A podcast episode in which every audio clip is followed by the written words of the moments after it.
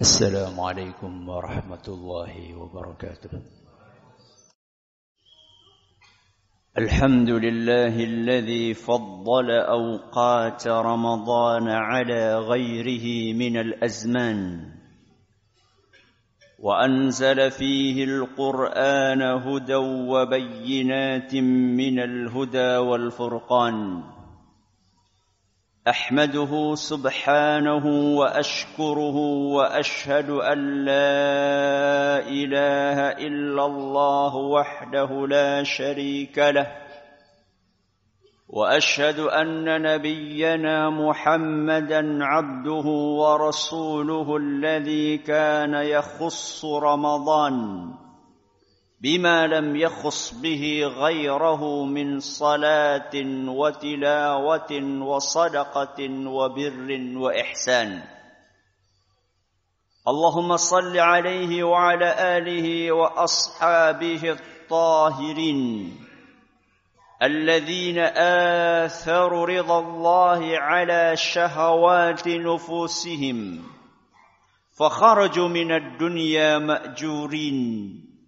وعلى سعيهم مشكورين وسلم تسليما كثيرا إلى يوم الدين. أما بعد فيا عباد الله أوصيكم ونفسي بتقوى الله فهي جماع الخير كله.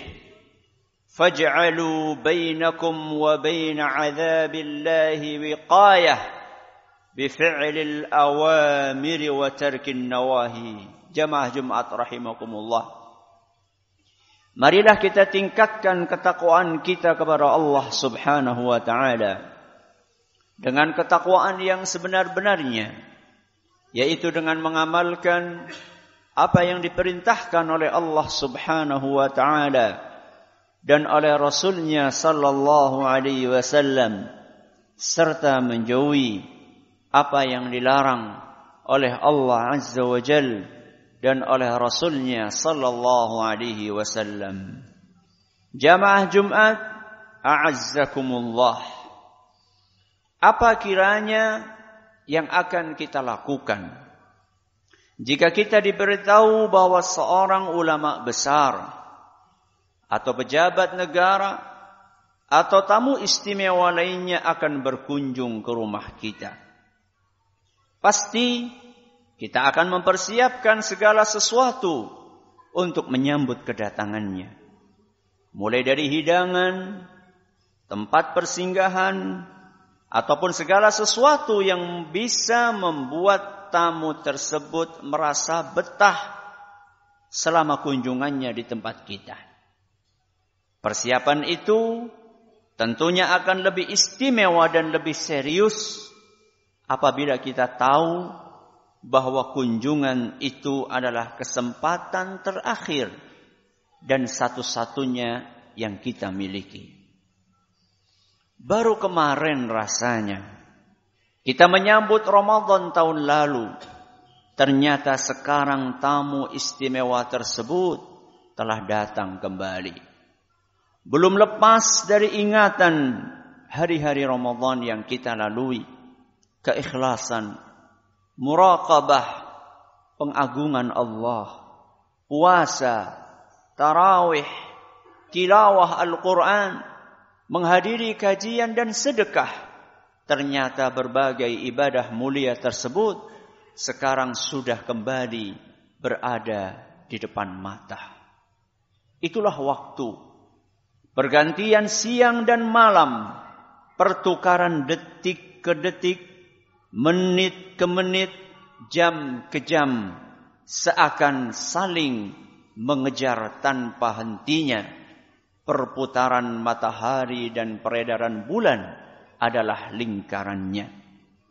Allah Subhanahu wa taala berfirman, "Inna fi khalqis samawati wal ard wa ikhtilafil laili wan nahari la ayatin liulil albab." Sungguh dalam penciptaan langit dan bumi serta pergantian malam dan siang di dalamnya ada tanda-tanda kekuasaan Allah bagi orang-orang yang berakal. Al-Quran Surat Ali Imran ayat 190. Sidang Jumat yang berbahagia. Nabi kita yang mulia Muhammad sallallahu alaihi wasallam selalu menyambut kedatangan bulan suci Ramadan dengan sukacita. Tak lupa beliau menyampaikan kabar gembira mengenai kedatangannya kepada para sahabat. Beliau bersabda, "Atakum Ramadan syahrun mubarak." Telah datang kepada kalian Ramadan, bulan yang penuh berkah. Hadis riwayat An-Nasa'i dan dinyatakan sahih oleh Syekh Al-Albani. Para hadirin rahimakumullah, tidak ada yang menjamin. Tidak ada yang menjamin bahwa kita masih diberi kesempatan untuk menyelesaikan Ramadan tahun ini. Apalagi bisa menjumpai Ramadan di tahun-tahun yang akan datang. Sebab tidak ada di antara kita yang mengetahui secara pasti berapakah sisa jatah usia kita di alam yang fana ini. Hanya manusia bijak yang memanfaatkan apa yang ada di hadapannya dengan baik serta tidak menggantungkan angan-angannya terhadap sesuatu yang belum pasti kedatangannya. Maka Anggaplah Ramadan tahun ini adalah Ramadan terakhir kita. Sebelum menghadap kepada yang maha kuasa. Dengan demikian, kita akan terpacu untuk memaksimalkan waktu di dalamnya. Guna mengumpulkan pundi-pundi pahala sebanyak mungkin. Sekaligus membersihkan dosa-dosa yang tak terhitung jumlahnya. Jamaah salat Jumat yang kami hormati. Anggaplah Ramadan tahun ini adalah Ramadan terakhir kita. Sehingga kita terdorong untuk berpuasa dengan sebaik mungkin. Dalam arti mengikhlaskan ibadah ini hanya mengharap ridho dan pahala dari Allah Azza wa Jal. Bukan sekedar karena ikut-ikutan masyarakat sekitar atau karena tidak enak dengan rekan kerja yang kebetulan seluruhnya berpuasa atau bahkan berpuasa hanya untuk mencari remeh temeh kedudukan sosial atau jabatan politik yang hanya bersifat sementara. Jangan lupa lindungi puasa dari perbuatan-perbuatan yang bisa mengkikis habis pahala puasa tersebut seperti orang yang berpuasa tapi tetap mengumbar bebas pandangan matanya. Atau membiarkan telinganya dimasuki suara-suara yang tidak layak untuk didengar. Atau membebaskan lisannya untuk menggunjing, berdusta, mengadu domba, dan perilaku buruk lainnya. Puasa model di atas dikhawatirkan tidak akan diterima oleh Allah Subhanahu wa taala. Sehingga para pelakunya terancam akan masuk ke dalam golongan yang telah disitir oleh Rasulullah sallallahu alaihi wasallam dalam sabdanya rubba saimin hadduhu min siyamihi al-ju'u wal 'atash betapa banyak orang yang berpuasa yang tidak mendapatkan dari puasanya kecuali rasa haus dan rasa lapar hadis riwayat Ahmad dinyatakan sahih oleh Imam Ibn Khuzaimah dan Syekh Al-Albani. Ma'asyiral muslimin rahimakumullah. Anggaplah Ramadan tahun ini adalah Ramadan terakhir kita. Sehingga kita berusaha untuk menjaga ibadah salat. Terutama salat fardu sebelum salat sunnah. Menegakkan salat lima waktu sebelum salat tarawih. Jangan sampai kita termasuk golongan yang gemar meramaikan masjid-masjid saat salat tarawih, tapi enggan untuk menunaikan salat duhur, salat asar, dan salat fardu yang lainnya. Allah Subhanahu wa taala mengingatkan, "Wa ma taqarraba ilayya 'abdi bi syai'in ahabba ilayya mimma aftaradtu 'alaih." Tidak ada sebuah amalan yang dilakukan oleh seorang hamba yang melebihi kecintaanku padanya dibandingkan amalan yang aku wajibkan untuknya. Hadis riwayat Bukhari. Setelah sholat wajib dijaga dengan baik. Baru iringilah dengan menghidupkan malam-malam Ramadan dengan sholat tarawih. Terutama secara berjamaah di masjid. Rasulullah sallallahu alaihi wasallam memberikan motivasi. Innahu man qama ma'al imami hatta yansarif kutiba lahu qiyamul lailah. Orang yang salat bersama imam sampai selesai, maka dia akan mendapatkan pahala salat semalam suntuk. Hadis riwayat Tirmidzi dan beliau menyatakan hadis ini hasan sahih sidang Jumat yang kami hormati, anggaplah Ramadan tahun ini adalah Ramadan terakhir kita. Sehingga kita terpacu untuk mengasah kepedulian sosial dan empati terhadap sesama. Sebab salah satu hikmah disyariatkannya puasa di bulan Ramadan adalah agar kita bisa merasakan apa yang dirasakan oleh saudara-saudara kita kaum miskin dan papa. Lalu kita senantiasa tergugah untuk mengulurkan tangan bantuan kepada mereka. Adapun orang-orang yang melalui bulan Ramadan akan tetapi penyakit pelit tidak juga terkikis dari hatinya. Sungguh sangat merugi mereka. Sebab puasanya kosong dari makna. Contohlah Nabi kita Muhammad sallallahu alaihi wasallam yang di bulan Ramadan beliau melejitkan sifat kedermawanan sampai ke puncaknya. Karena Rasulullah sallallahu alaihi wasallam ajwadan nas wa kana ajwadu ma yakunu fi Ramadan. Rasulullah sallallahu alaihi wasallam adalah manusia yang paling dermawan. Dan kalau beliau sudah masuk ke bulan Ramadan, maka kedermawanan beliau akan dinaikkan sampai ke puncaknya Hadis riwayat Bukhari dan Muslim. Dikisahkan suatu hari di bulan Ramadan menjelang berbuka puasa datanglah seorang pengemis ke rumah Imam Ahmad bin Hambal rahimahullah. Imam Ahmad mengecek isi rumahnya. Ternyata di dalam rumahnya tidak tersisa makanan kecuali hanya dua potong roti kering.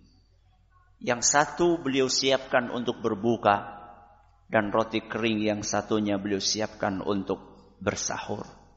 Apa yang beliau lakukan jamaah? Beliau berikan dua-duanya untuk sang pengemis. Bagaimana beliau berbuka dan bagaimana beliau bersahur? Beliau berbuka hanya dengan segelas air putih dan beliau bersahur keesokan harinya hanya dengan segelas air putih. Subhanallah. Para hadirin rahimakumullah. Anggaplah Ramadan tahun ini adalah Ramadan terakhir kita. Sehingga kita berusaha untuk memaksimalkan waktu guna membaca kitab suci Al-Quran. Sebab bulan Ramadan adalah bulan Al-Quran. Di dalamnya Allah subhanahu wa ta'ala menurunkan Al-Quran dan Nabi kita Muhammad sallallahu alaihi wasallam memanfaatkan bulan ini untuk mengecek hafalan Al-Qur'annya kepada malaikat Jibril alaihi salam. Ibnu Abbas radhiyallahu anhu menuturkan, "Wa kana Jibril alaihi salam yalqahu kulla lailatin fi Ramadan hatta yansalikh." Ya'ridu alaihi an-nabiy sallallahu alaihi wasallam al-Qur'an bahwasanya malaikat Jibril alaihi salam menemui Nabi kita Muhammad sallallahu alaihi wasallam setiap malam di bulan Ramadan sampai Ramadan selesai. Nabi sallallahu alaihi wasallam mengecek hafalan Al-Qur'annya kepada malaikat Jibril. Hadis riwayat Bukhari. Karena itu, para ulama kita dahulu menghabiskan waktunya untuk membaca dan mengkaji Al-Qur'an di bulan Ramadan. Banyak di antara mereka yang menghatamkan Al-Quran sekali dalam sepuluh hari. Ada yang menghatamkan sekali dalam tujuh hari. Bahkan ada yang menghatamkan sekali dalam tiga hari. Imam Az-Zuhri rahimahullah menyampaikan petuahnya. Idza dakhala Ramadan fa innama huwa qiraatul Qur'ani wa it'amut ta'am. Kalau sudah masuk bulan Ramadan, maka prioritas kita adalah membaca Al-Quran dan memberi makan kepada fakir miskin. Mari kita teladani Rasulullah SAW. Kita teladani para sahabat Nabi SAW. Kita teladani para ulama Islam dengan mengisi waktu kita dengan membaca Al-Quran dan akan lebih baik lagi apabila kita berusaha untuk memahami kandungan yang ada di dalamnya dan meresapi maknanya. Kitabun anzalnahu ilaika mubarakun liyadabbaru ayatih wa ulul albab. Al-Quran yang kami turunkan kepadamu wahai Muhammad penuh dengan berkah agar mereka menghayati ayat-ayatnya dan agar orang-orang yang berakal sehat mendapat pelajaran darinya. Al-Quran surat Sad ayat 29. Barakallahu li walakum fil Qur'anil azim. ونفعني وإياكم بما فيه من الآيات والذكر الحكيم أقول قولي هذا وأستغفر الله لي ولكم ولكافة المسلمين من كل ذنب فاستغفروه إنه هو الغفور الرحيم. الحمد لله الذي هدانا للإسلام ووفقنا لإدراك شهر الصيام والقيام. أحمده سبحانه وله الحمد في البدء والختام والصلاة والسلام على خير من صلى وصام وعلى آله وصحبه الكرام أما بعد Sidang Jumat yang kami hormati Bulan Ramadan adalah masa yang sangat terbatas Bulan Ramadan hanya terdiri dari beberapa hari saja. Sebagaimana yang telah Allah ingatkan dalam firman-Nya, ayyaman ma'dudat. Ramadan cuma beberapa hari saja. Al-Quran Surat Al-Baqarah ayat 184. Namun, siapa pun yang berhasil memanfaatkan dengan baik waktu yang sangat singkat ini, niscaya dia akan beruntung. Bagaimana tidak? Sedangkan dalam satu malam saja, yakni ketika Lailatul Qadar, kita bisa mendulang pahala sepadan dengan ibadah selama 83 tahun 4 bulan non-stop, bahkan lebih dari itu. Semakin besar pahala suatu amalan, maka akan semakin besar godaan yang memalingkan hamba dari amalan tersebut. Setan pun juga akan semakin bersemangat untuk menyibukkan hamba dengan hal-hal yang remeh temeh untuk menghalanginya. Maka jangan heran apabila kita dapatkan di saat kaum mukminin sibuk bertakarrub kepada Allah di malam-malam Ramadan Duduk bersimpuh menghibah dan memohon ampunan kepada yang maha pengampun. Ternyata di waktu yang sama tidak sedikit di antara manusia yang begadang menghabiskan waktunya ngobrol ngalor ngidul dengan teman-temannya.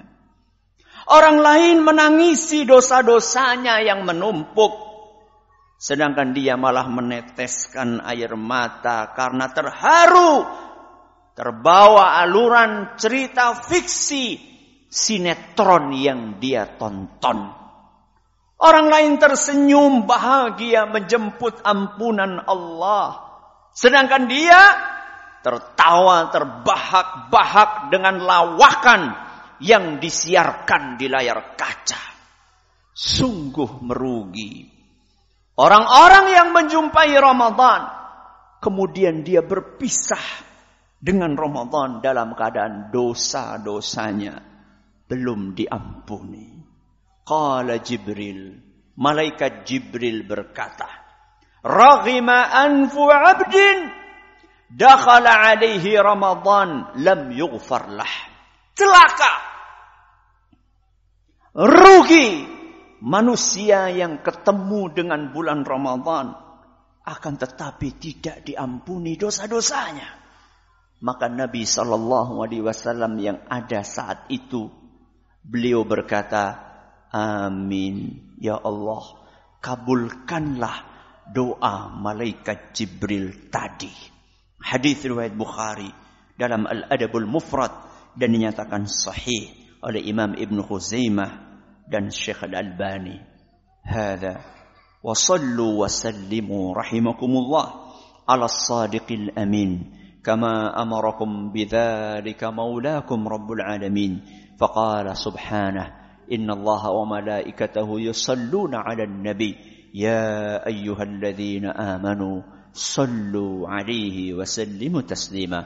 اللهم صل على محمد وعلى آل محمد كما صليت على إبراهيم وعلى آل إبراهيم إنك حميد مجيد. اللهم بارك على محمد وعلى آل محمد كما باركت على إبراهيم وعلى آل إبراهيم إنك حميد مجيد. ربنا ظلمنا أنفسنا وإن لم تغفر لنا وترحمنا لنكونن من الخاسرين. ربنا اغفر لنا ولإخواننا الذين سبقونا بالإيمان ولا تجعل في قلوبنا غلا للذين آمنوا ربنا إنك رؤوف رحيم. ربنا لا تزغ قلوبنا بعد إذ هديتنا وهب لنا من لدنك رحمة إنك أنت الوهاب.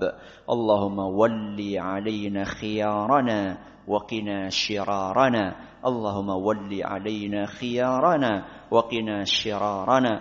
اللهم ول علينا خيارنا. وقنا شرارنا. ربنا آتنا في الدنيا حسنة وفي الآخرة حسنة وقنا عذاب النار.